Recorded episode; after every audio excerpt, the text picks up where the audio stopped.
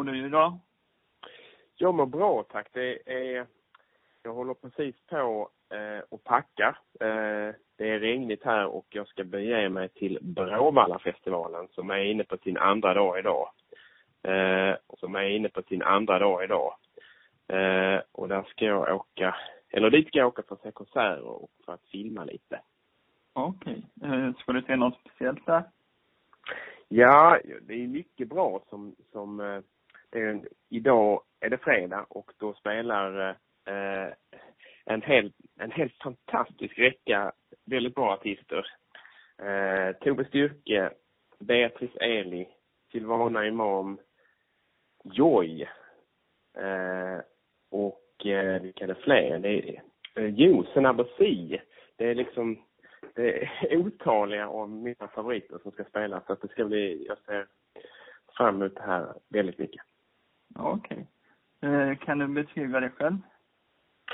Ja, jag är en, eh, jag är en, eh, en skandinavisk skådepåg med rötter både i Danmark och i, framförallt i Norge. Som har ägnat större delen av mitt liv åt att prata om musik. Och beskriva musik, berätta om det i, i text och i tv och som är väldigt nyfiken på andra saker också. Jag har ett massa intressen egentligen. Jag tycker om både allt från kickboxning till jakt, till mat, till eh, snabba bilar. Då lämnar jag över till Tajam nu. Hur var det att göra PSL-programmen? Det var väldigt, det var fantastiskt roligt.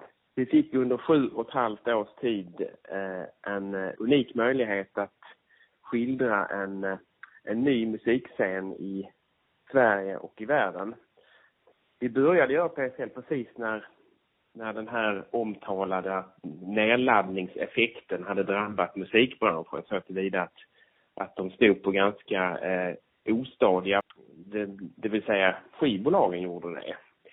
Samtidigt var det här kanske en, precis den sortens liksom eh, vitamintablett som musiker och artister själva behövde för att plötsligt fick man ta tag i, i alla saker själv. Mm. Eh, och ur det kom det väldigt mycket bra musik. En, en, en ny generation artister som fick liksom lära sig allt ifrån att sätta ihop bra scenföreställningar till att producera själv och liksom mycket av det arbetet som tas hand om andra annars när det är liksom det här stora skivbolags och musikbolagsmakeriet. Det fick man göra själv. Och det var vi med och försökte fånga med PSL. Vi First Aid Kit, Lykkeli, Markus Krunegård. Väldigt många artister tog sina första eh, steg i det som blev PSL som var ju dels en webbsida på Sveriges Television men också en ibland en tv-serie. Vi gjorde PSL på festival, vi gjorde eh, Studio PSL som var ett samtalsprogram. Vi gjorde Sinding Sessions, en mm. serieprogram om, om eh, besök i inspelningsstudios. Ja. Vad hände med programmet PSL? Kommer det programmet att komma tillbaka?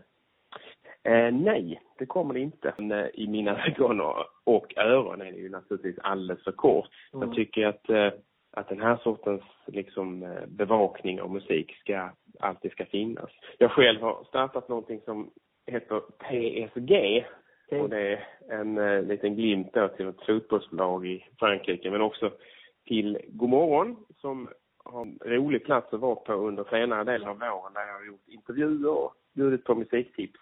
Lite i PSLs anda men också har jag tagit ut svängarna lite mer för att jag är ju är väldigt nyfiken på all sorts musik. Jag är inte bara nischad på en del. Även om jag är liksom kanske allra mest förtjust i det nyaste nya med nya artister så, så gillar jag faktiskt allt från hårdrock till, till techno och, och dansband eller opera. Alltså det var ju väldigt, väldigt tacksamt program måste jag säga för att man själv så fick jag ta del av mycket ny musik och hittade väldigt mycket ny musik tack vare det programmet. Vad roligt att höra. Vad, ja. jättekul. Vilket avsnitt eller artist var mest roligast att intervjua i PSL? Det var roligt att följa Lykkeli mm. eh, från hennes allra, allra första eh, steg. Vi arrangerade en egen PSL-festival på Hultsfredsfestivalen samma år som vi startade musiksajten. Och eh, dit bjöd vi alla artister som vi tyckte skulle spela på Stora Hultsfredsfestivalen. En av dem var Lykkelig. Då var hon helt okänd och eh, ny och hade massa idéer. Och det roliga med att det var att följa liksom hennes resa, för sen träffade vi henne många fler gånger. Vi gjorde en serie med henne någon sommar efter. Vi gjorde eh, flera intervjuer och, och såg hur hon liksom växte fram och tog fram och utvecklade sina idéer, både musikaliskt och visuellt. Så det blev, det var väldigt speciellt och, och intressant. Men det är ju många artister som jag, som jag har mycket minnen av. Vad jobbar du med just nu och eh, vad är din nästa grej på gång? Jag håller på, jag ska, jag vill jättegärna göra en dokumentär, eh, en musikdokumentär om ett, eh, om en artist. Eh, så jag ska sätta igång med det. Jag står här med en, med 15, 15 eh, olika kollin med kameror och grejer i som jag ska liksom lasta ner i SVT-bilen som står där nere. Jag ska börja filma här nu i dagarna.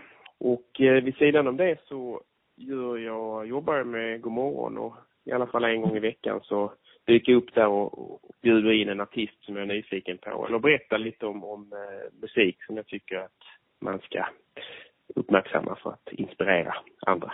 Det låter väldigt intressant. Mm. Det är världens, världens bästa jobb. Jag är, jag är så lycklig, Carl Magnus, över att, liksom, över att få, få göra det här. Jag är väldigt tacksam för det. Det är Ja. väldigt roligt. Ja, och vi är väldigt lyckliga för att intervjua dig också. Och det fortsätter vi det med några, och det fortsätter med några frågor till. Ja. Ja. Eh, vilken musikstil gillar du mest och varför? Alltså sån här, jag är väldigt förtjust i, och den, den musikstilen går liksom i flera musik, snarare ett sorts, ett stilgrepp, som inte ens är ett stilgrepp. Jag gillar det primala, eh, när det är nästan lite så här grottlikt och trevande och gränslöst på något vis. Jag hittar i, eh, i allt ifrån eh, Maskinen, som jag tycker är en liksom fantastisk orkester till Watain som spelar black metal, till eh, mycket inom dansmusiken så hittar man ett läge liksom, eller varför inte ta en av mina största, största hjältar, Nick Cave, hans första band, Birthday Party. Där, när musiken bara sliter sig fri från alla regler, där det är bara liksom ett enda, ett enda grottlik fest med rop och inte särskilt mycket viskningar. Så det där läget är någonting som jag alltid återkommer till, som jag liksom som väckte mig en gång som tonåring när punken kom Mm. eh, och som jag alltid har sökt i musiken efter det. För jag och det stämmer kanske ganska väl med min livsfilosofi i övrigt. Jag är inte, jag är inte alltid den största vännen av ordning, disciplin eller liksom att vi ska vara så förbaskat rekorderliga. Jag tror inte alltid att, att vi människor är liksom, att vi, vi måste få liksom en, en utlopp för, för någonting annat också. Så det hänger liksom lite ihop. Och vilken artist under PSL var mest jobbigast eller divigast att intervjua? Jobbigast, det var en som var jobbig tyckte vi att det var, vad heter han nu igen? Um, mm, en nu tappar jag naturligtvis namnet, en amerikansk gitarrist som jag tyckte var väldigt bra och som vi liksom åkte och spelade in och vi, och sen sa han, kom han tillbaks två, två dagar senare sa han, Spela, filmar ni mig? Ja, det var ju det vi gjorde. Så, nej, men jag kan, jag vill inte vara med på, på, eh, eh, på film, sa han. Eh, så att eh, det var naturligtvis ganska jobbigt när man har ägnat väldigt mycket tid till att få till någonting eh, som Ja, inte blir någonting. Eh, så han är väl inte, han står väl inte överst på på önskelistan. Sen så det, finns det, finns det några, tyvärr också några svenska artister som varit krångliga. Och jag menar inte att man ska liksom, jag förstår att, att i ett artisteri så ligger det mycket liksom frågetecken och känslor och så där. Så att jag kräver inte alltid att man ska vara liksom stå nyrakad och uppställd klockan nio och svara artigt på frågor. Det är, det är verkligen ingenting som jag, som jag eh, begär alltid. Men, men säger man ja till någonting får man kanske, då får man ju ändå liksom ställa upp därefter. Vad lyssnar du på för musik just nu? Har du någon eh, speciell eh, förebild? Förebild har jag väl kanske Iggy Pop och Nick Cave och sådana, sådana i deras vildaste stunder. Nej, men jag, jag, lyssnar, jag, jag är så glad över att under våren så har det kommit väldigt mycket rock. Många nya band. Eh, många engelska, amerikanska och lite svenska också. Band som liksom gör mig väldigt nyfiken på att höra musik med gitarr, trumma och bas, tamburin och sång igen. Och det var ett par år sedan sist jag tyckte att det lät så pass intressant. Och prata om senast den spanska kvartetten Hinds är ett fynd. Eh, har brittiska kvartetten Pins vi har eh, Bully, ett amerikanskt band, flörtar med grunge-kulturen. Vi har, eh, ja det är flera stycken. Jag tycker det är liksom, jag anar en, eh, en eh, liksom en ny sorts eh, renässans för gitarrbaserad rocken. Och det roliga är att som är av en ren tillfällighet så är det de flesta inblandade just det är, det är kvinnor. Och jag tycker det är kul musikaliskt sett eftersom att när det skedde en sorts liksom sån här när tjejerna tog mer plats på musikscenen till en början så var det oftast genom elektronisk musik. Eh, mm. Att man började göra egna beats eller man, eh, stridsropet var We don't play guitars, sa Chicken Speed i början på 2000-talet. Och det var nästan som att, att gitarren symboliserade liksom allt elände med vad den manliga rockguden har liksom stått bredbent på en scen och liksom dominerat allt och det är hans ord som gäller och så. Så att det var nästan som att, att det var en politisk eh, krigsförklaring med att man, klart att vi ska, vi ska bara köra in så mycket elektronik som möjligt. Men nu, nu har det liksom vänt sig så att nu kommer de här banden och det är, det är mycket, mycket bra och det är från... Har du någon gång blivit starstruck när du intervjuar? Ja, det har jag blivit. Eh, jag inte så ofta när jag träffar artister, men däremot när jag träffade den spanske mästerkocken Ferran Adriao. Mm. Eh, han som drev den eh, prisade restaurangen Ei Bulli utanför, eh, någonstans i, utanför Barcelona. Att möta honom var liksom nästan som att träffa Mick Jagger för mig. Jag darrade till med manschetten ett par gånger för att han, en person som liksom har jag är full av beundran över hans dåtida sätt att eh, dekonstruera oliven i en dry martini eller, eller eh, göra allt det som han gjorde till sitt, alltså en sorts konst av matlagning. Eh, så jag blev faktiskt lite starstruck där. Sen, ja. ibland, ofta så, ibland så är det så här så att jag, jag jobbar så mycket så att det, det händer så mycket hela tiden så att ibland så hinner jag inte bli starstruck. Nej. Jag funderar ibland på att jag kanske ska bli det. Alltså när jag sätter mig här nere den här i gungstolen. Kanske, kanske, blir, kanske, kanske blir i Bråvalla här nu. Ja, men precis. Nej, men det kan bli. Och jag kan bli, jag, jag blir lite snart, jag kan bli liksom starstruck av, av, eh, det behöver inte vara speciellt stora namn som alltid fångar en, utan det kan vara en ny artist. Ariel Pink tyckte jag var fantastiskt roligt att träffa. Blev lite, lite småstörd. Joy äh, blev jag liksom lite tagen av. Eh, alltså, för det behöver inte vara, det behöver inte vara David Bowie som jag säkert bli starstruck också. För att det låtsas jag inte om nu här i intervjun för att det verkar lite... Visst var det så att du har träffat Low Reed någon gång? Ja, det stämmer. Kan du, kan du berätta om det mötet och hur var han att hänga med? Han var, det är, Lou Reed var inte riktigt den personen som man hänger med om du förstår vad jag menar. Han, ja. han är ganska mycket på sin vakt och eh, reserverad. Han har också en, en eh, ett eh, inte ett journalistförakt, det vill jag det tycker jag är lite så, har en, eh, håller en armlängd. Så det här, allt det här visste jag ju om så att jag liksom hade förberett mig. Ibland så är det ju inte alltid vägen till liksom en bra intervju behöver inte alltid vara med att man, man ska ju alltid vara extremt bra förberedd. Det finns, där finns ju inga genvägar på det. Extremt bra förberedd och så ska du också vara helt öppen för det det plötsligt dyker upp ett spår mitt i intervjun som wow, det är ju det här det, det här samtalet handlar om, eller kan handla om. Hur, hur, hur förbereder man sig för det då? Jo, men I mitt fall så, så gjorde jag lite research på vad gillar Norid att göra när han är i Sverige? Eh, och då kom jag på att han, han var så här hängiven, han älskade att åka och äta sill på vissa svenska eller stockholmska restauranger. Nils Emils, dessutom en krog som fanns på den tiden på Folkungagatan i Stockholm. Så jag tänkte, så jag åkte och köpte tio burkar till. Riktigt bra, sa de. En Stockholms bästa fiskhandlare. Och då, han blev så överrumplad så att han var inte alls förberedd på det här. Men så att hela intervjun börjar med ett långt samtal om sill och om eh, situationen i Östersjön som han var lite intresserad av. Han hade faktiskt redan då snappat upp det här med att den problematiken som vi brottas med än idag med, med liksom allt från flamskyddsmedel som lägger sig på botten och, och som liksom gör det här till ett ganska dött hav. Ni på västkusten har ju liksom lite annan sälta i vattnet om man säger som så. Ja. Efter det så, då var det ju lättare att ställa de där frågorna om musiken och så. Så att det blev liksom min på något vis lyckokort till en intervju med Lou Reed. Och där jag dessutom fick en bild på honom där han ler. Jag har inte en bild, jag har nio bilder på honom och mig. Där han står med det största leende jag har sett honom någonsin ha. Det är inte känt med Lou Reed. Leendebilder är inte hans liksom. Det kanske var tack vare sillen då? Ja, ja kanske det, kanske det. Men eh, då, och sen eh, en fråga till här då. Vilket möte minns du mest? Berättat om i andra intervjuer så jag ska försöka jag minns naturligtvis min första intervju med David Bowie som spårade ur lite. Men, ja men det, häromdagen så träffade jag Uffe Ekberg i Base.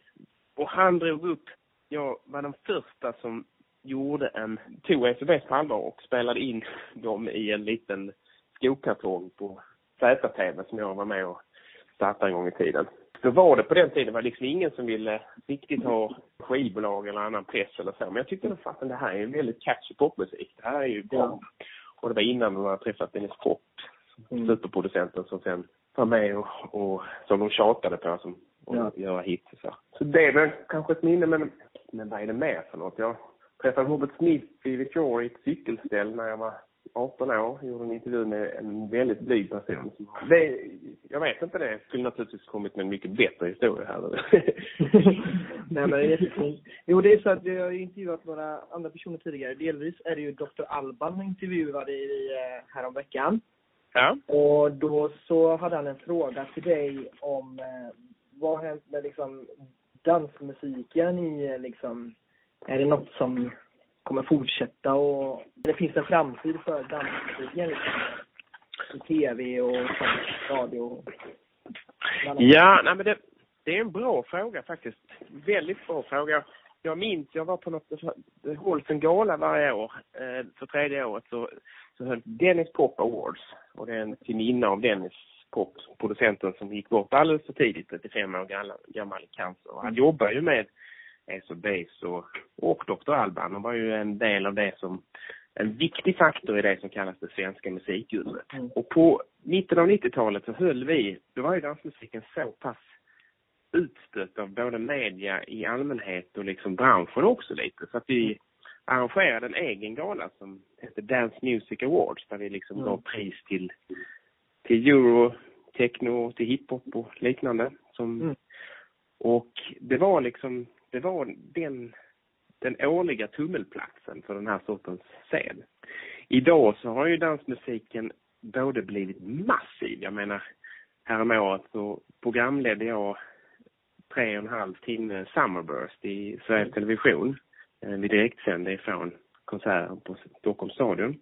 Eh, och den finns ju, den har ju tagit en annan plats. Det är, jag menar, det, den här så kallade EDM-kulturen eller stadiumhousen eller jättediskotekens tid. Det har ju verkligen gjort dansmusiken enormt stor. Men dansmusik är så otroligt mycket. Jag menar det kan ju allt som vara på en sån här minimal techno som du står och, och lyssnar på nere i Berghain, alltså den kända berlinska klubbens källare till, mm. till eh, sommarplågor, till det, den är, det är vitt och brett, precis som hårdrock har liksom mm. 5000 olika ansikten så, ja. så har ju dansmusiken också. Men eh, det som, då var ju liksom dansmusik lite underground på det viset att det togs inte så mycket på allvar mm. runt omkring. Idag görs det förvisso det med viss dansmusik men med annan så är det liksom fortfarande kanske, kanske lite nonchalant stuvad som pop eller som någon sorts liksom bara bruksvara som eh, man inte ska ägna sig eh, så mycket åt. Men eh, jag menar dansmusik är ju faktiskt det som får liksom världen att snurra tycker jag i, i, i mångt och mycket. Mm. Som får liksom hjulen att, att gå runt. Så att, ja, jag har inte ett svar på den utan flera. Jag, jag, tror faktiskt om man ser på den stora kommersiella hitdansmusiken så tror jag att det kommer, den, det kommer ju vinna med tiden. Den kommer mm. nå en annan respekt än vad den mm. kanske har idag och har haft. Eh, mm. Med liksom allt från många av det som kanske betraktas lite som, som bågsledare. Mycket av det som Max Martin gör och Shellback, de två mm. svenska superproducenterna, de är fantastiska produktioner och, och ibland, de ibland liksom hamnar mest på radiolistor och, och blir jätteframgångar men kanske inte pratas om på samma liksom seriösa vis som när man sitter och diskuterar M. Ward. Nu kom på namnet på han som var så krånglig tidigare. Som att ja, M. Ward. Ja, M. Ward som är den stora ja. syndabocken. det, där, åh, det är så roligt att prata om M. Ward istället för att man kanske ska ägna tio sidor åt Katy Perry istället. Ett annat ljus än vad de gjorde ja. när de kom och gladde liksom miljontals människor över hela hela världen med hans framgångar. Eh, men den kommer också nå en annan sorts liksom, eh, kommer nå ett annat värde, tror jag. Så det ser bra ut, ja. doktorn. Eller tandläkaren som brukar säga. Ja, precis. Och DJn som han är också. ja, eller hur? Ja. Eh, jo, eh, sen hade ju Carl Magnus en intervju med en eh, person som också hade en fråga till dig och det kommer mm. Carl Magnus ta med dig nu. Ja, jag är ja. Ann Lindgio, om du kommer ihåg henne. Absolut, en mycket duktig, eh, mycket duktig filmare och en väldigt, ja. Eh, en underbar person. Hon bad henne komma med en fråga till dig och hon undrade om du återhämtat dig från eh, lades ner. Ja, det har jag faktiskt. Men jag måste medge att det var, det var lite uppförsbacke. För det, det var, kändes sorgligt. Och jag hade också, jag vet inte, det var säkert överdrivet och pretentiöst, men jag kände ett litet ansvar också för den här musiken som jag faktiskt hade bevakat. Och jag hade ju hoppats att, att eh, det någonstans, att det fanns den, den där naturliga, här kommer den nya samlingsplatsen för ny musik. Och det finns ju sådana. jag menar, eh, det bevakas ju på bra sätt. Musiktidningen Sonic, Nöjesguiden, mm, sajter som Hymn eller ni på grunden media som liksom gör intervjuer och så. Det är ju liksom, det finns ju men, men jag hade kanske tänkt att det här är ju ett public service-ansvar att liksom ta tag i det här, att vi, att vi bör ta det vidare. Men så blev ju inte riktigt så att jag var, jag var, gick och sparkade på soptunnorna lite och var lite sur och sådär. Men sen tänkte jag att nu får jag göra någonting annat. Jag kan inte gå omkring här och Nej. Och, och eh, sörja det. Jag får göra något nytt istället. Ja, ta nya tag. Och så, eh, och så har ju faktiskt hela mitt liv sett ut. Det har liksom det har inte alltid varit, jag menar PSL var ju faktiskt nedläggningshotad en och tre gånger under sin livstid så att det, eller varje år i stort sett. Jag, jag är van vid det där med att jobba i det lilla och hela tiden liksom göra det bästa av de små förutsättningarna och vara beredd att det kan läggas ner i nästa vecka. Nu har Sam en fråga till dig. Eh, jo, mm. det är så att vi ska ju fortsätta med det här att vi frågar nästa person som vi ska intervjua. Eller att mm. Eh, till exempel som du då nu så får ställa en fråga till nästa person då. Och vi ska intervjua Adam Tensta nästa gång. Wow, vad roligt! Ja. Och, Oj, vad eh, kul! Så då undrar vi, vad har du för fråga till honom? Alltså, oh, jag har, oh, jag har massa frågor till honom. Han har då gjort, The Empty heter hans senaste skiva, som kom nu i veckan. Eh, och den är ju den bästa som han har gjort. Eh, det är imponerande i, på så många plan. Att dels att han har hittat tillsammans med Nils Wennem Lundberg, hans trogna producent, har hittat fram till en ny sorts ljudbild. Den är avskalad och fin och de har bra gäster och sen så ligger det liksom en sordin av skilsmässa över hela skivan. Jag är så otroligt nyfiken på liksom, det känns som att det här är, är ett första kliv till någonting som kommer att bli, som jag är nyfiken på vad han ska ta det till. Så var är du på väg Adam? Okej, okay, vilken bra fråga. Stockholm, Tensta, världen, som du brukar sa, eller som du sa på någon av Var ska allt det här ta dig? Jag är jättenyfiken. Eh, innan vi avslutar ska vi avsluta med fem snabba frågor, men innan det så har Carl en sista fråga. Mm. Jag tänkte bara fråga, hur blir man en bra intervjuare och eh, vad får man eh, kontakter? som du gör i din takter som du gör i dina program. Hur, hur menar du med kontakter eller så?